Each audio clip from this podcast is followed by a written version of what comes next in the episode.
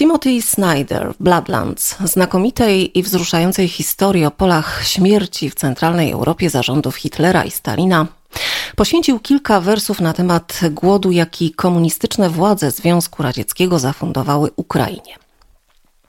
Te kilka jakże wzruszających linijek tekstu opisuje wielką i wymowną ciszę towarzyszącą tym tragicznym wydarzeniom.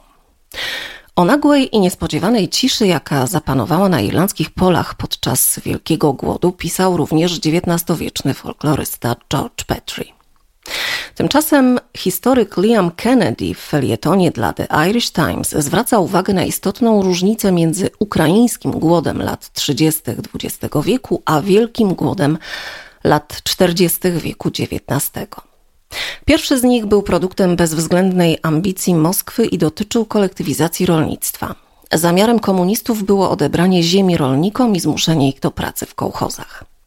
Ukraina i Kazachstan poniosły główny ciężar tego gigantycznego eksperymentu w zakresie inżynierii społecznej, napędzanej przez bolszewickie wyobrażenie o nowym porządku komunistycznym.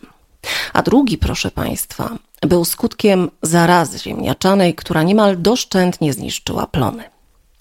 Można mieć zastrzeżenia do reakcji władz w Londynie, jednak przynajmniej na początku Brytyjczycy próbowali łagodzić skutki ogromnej awarii dostaw żywności spowodowanej zarazą. Rozważania Kennedy'ego nie zmienią faktu, że dwie największe klęski głodu we współczesnej Europie, proporcjonalnie do wielkości populacji, miały miejsce w Irlandii i w Ukrainie. Nagłe milczenie pól, owa straszna cisza, która nastąpiła po masowej śmierci, jest zjawiskiem znanym wyłącznie mieszkańcom naszej wyspy i kraju, z którego teraz tak wiele milionów ucieka przed krwawą inwazją ze strony rosyjskiego potwora. Braterstwo głodu między naszymi narodami nadaje szczególnego charakteru przybyciu dziesiątek tysięcy ukraińskich uchodźców na Zieloną Wyspę. To słodko-gorzki zwrot historii, że na wiejskich obszarach Irlandii są miejsca, gdzie populacja z powodu przyjezdnych powraca do poziomu, jaki osiągała przed Wielkim Głodem. Przykładem niech będzie wieś Bali Wohan w hrabstwie Clare, która w ciągu ostatnich kilku tygodni podwoiła liczbę mieszkańców dzięki przybyciu tam aż 260 uchodźców z Ukrainy. To z pewnością ogromne wyzwanie dla tak małej społeczności, ale również zaskakująco gwałtowne odwrócenie trendu demograficznego, który zapoczątkował Wielki Głód.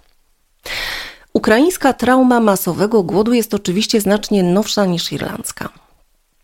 I była, jak twierdzi Snyder, tylko częścią większej katastrofy, w której to 14 milionów cywilów zostało zamordowanych w ciągu 12 lat w strefie rozciągającej się od Polski przez kraje bałtyckie, Białoruś aż po Ukrainę. Drodzy Państwo, istnieje też inny wymiar tej historii, dużo mroczniejszy. Atak Władimira Putina na Ukrainę ożywił widmo głodu dla setek milionów ludzi na całym świecie. Ukraina i Rosja zapewniają około 30% światowej produkcji pszenicy i jęczmienia, jedną piątą kukurydzy i ponad połowę oleju słonecznikowego.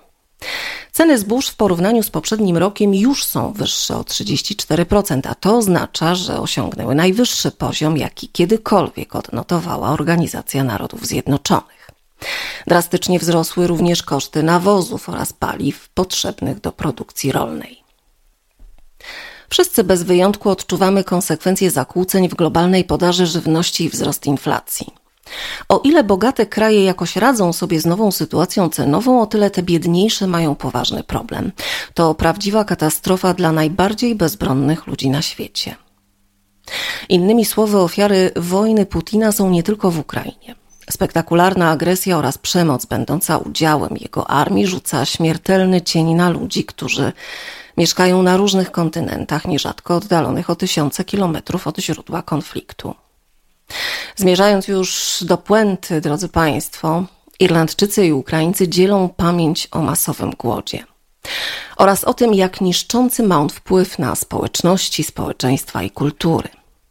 Głód to przede wszystkim atak wymierzony w ludzką godność i przyzwoitość.